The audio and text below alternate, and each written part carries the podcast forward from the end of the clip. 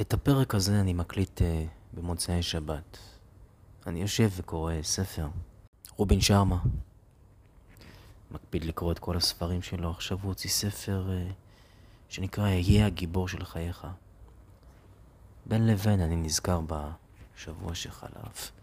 אני בעיקר נזכר במשא ומתן שקיימתי לפני יומיים, ביום חמישי האחרון. כל הניסיונות שלו לדבר אל ליבה, לנסות לשכנע אותה, לנסות ולבחון אפשרות של שיקום וכולי, כל הניסיונות האלה, כל הניסיונות האלה כשלו. ואז אנחנו למעשה מנהלים משא ומתן.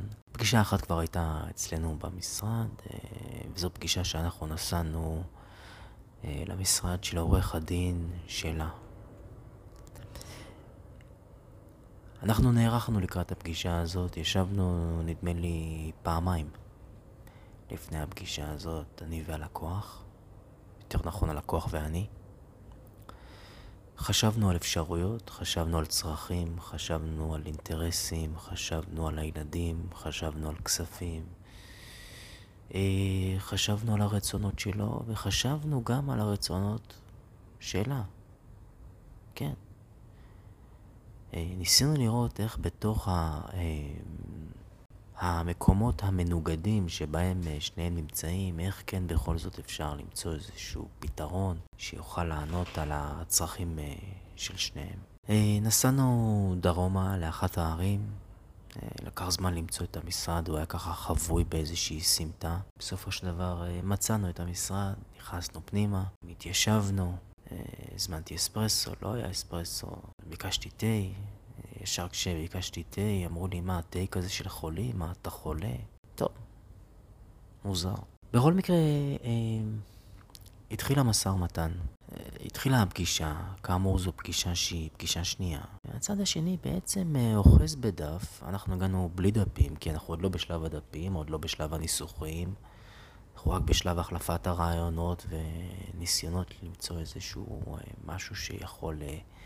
להתאים לשני הצדדים, אבל הצד השני אחז בדף, והוא מתחיל להקריא מהדף אה, את כל מה שהלקוחה שלו מבקשת שיהיה עד לדברים, ה... עד לפרטים הקטנים ביותר. אה, זמני שהות ו... ומזונות ומזונות לכל אחד מהילדים בצורה שונה ואיפה יגור. הוא ממש פרס את החזון שלו המלא. בנוגע לאיך צריכה להיראות הפרידה הזאת. אה, הקשבנו בקשב רב, והגיע תורי לדבר. אני לא דיברתי על אה, עניינים טכניים, אני דיברתי על רגשות. אני דיברתי על כאב. אני דיברתי על תסכול, על פחדים, על חששות, על נזקים, על רצון למנוע נזקים. דיברתי על הלקוח שלי, מה שהוא מרגיש. ודיברתי גם על uh, אותה אישה שרוצה להתגרש, ושאני מבין את הרצון שלה. לא מבין למה היא רוצה להתגרש, אבל מבין שזה מה שהיא רוצה, ואגב, מכבד את מה שהיא רוצה. Uh, תוך כדי שאני uh, מסביר או מפרט מה הלקוח שלי מרגיש, העורך דין בצד השני אומר לי, או בעצם אומר שם לכל הנוכחים, אנחנו היינו שם איזה שישה אנשים בתוך החדר. אומר לכל הנוכחים, עורך דין שחף, לא מעניין אותי מה הלקוח שלך מרגיש. ומה אני אגיד לכם? זה נגע בי, הדבר הזה. זה נגע בי הדבר הזה, וזה לקח אותי למקום לא כל כך טוב. אנחנו באנו עם הרבה מאוד אמפתיה לצד השני. עם רצון לעזור, עם רצון לקדם. אנחנו מדברים פה על פירוק של אה, משפחה, על סיום של אה, זוגיות, על סיום של זוגיות כשצד אחד רוצה והצד השני לא רוצה את סיום הזוגיות ולא מבין גם למה צריך לסיים את הזוגיות. ועורך הדין בחוסר רגישות אומר, לא מעניין אותי מה הלקוח שלך מרגיש. וואו. באותו רגע קרו בעצם אה, שני דברים. אחד, אה, היה בי צער גדול על אותו עורך דין שעוסק בתחום אה, דיני המשפחה ובגירושין בפרט, שלא מסוגל לגלות אמפתיה לצד השני, ולא מתעניין במה שהצד השני מרגיש, או במה שהצד השני עובר. והוא בעצם קולגה, והיה צר לי לראות את הדבר הזה. אגב, זה קיים.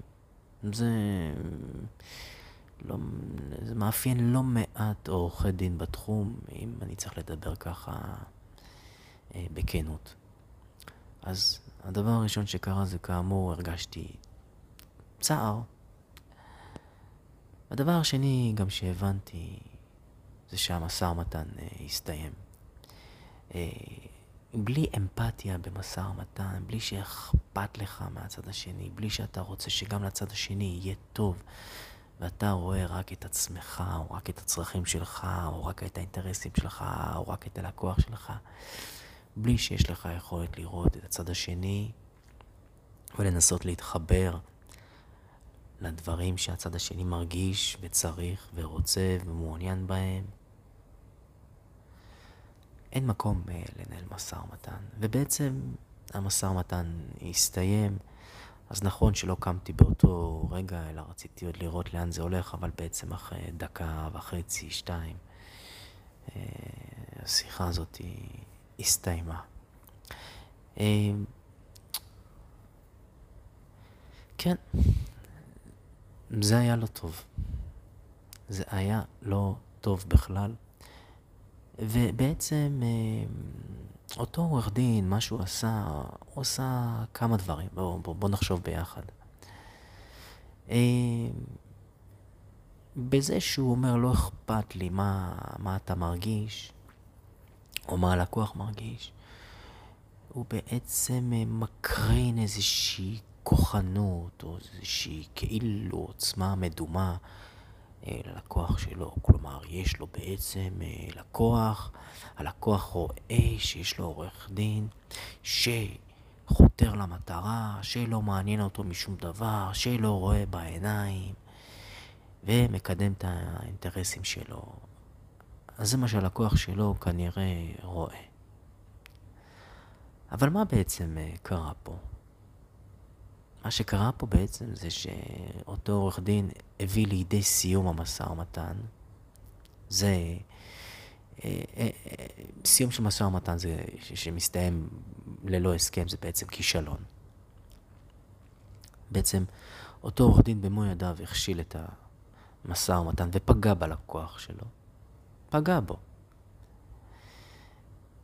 ולמה הוא פגע בו? כי אין הסכמות ואין הסכם. והוא למעשה עכשיו דוחק את הלקוח שלו לנהל הליכים משפטיים. כלומר, במקום לגמור את, ה...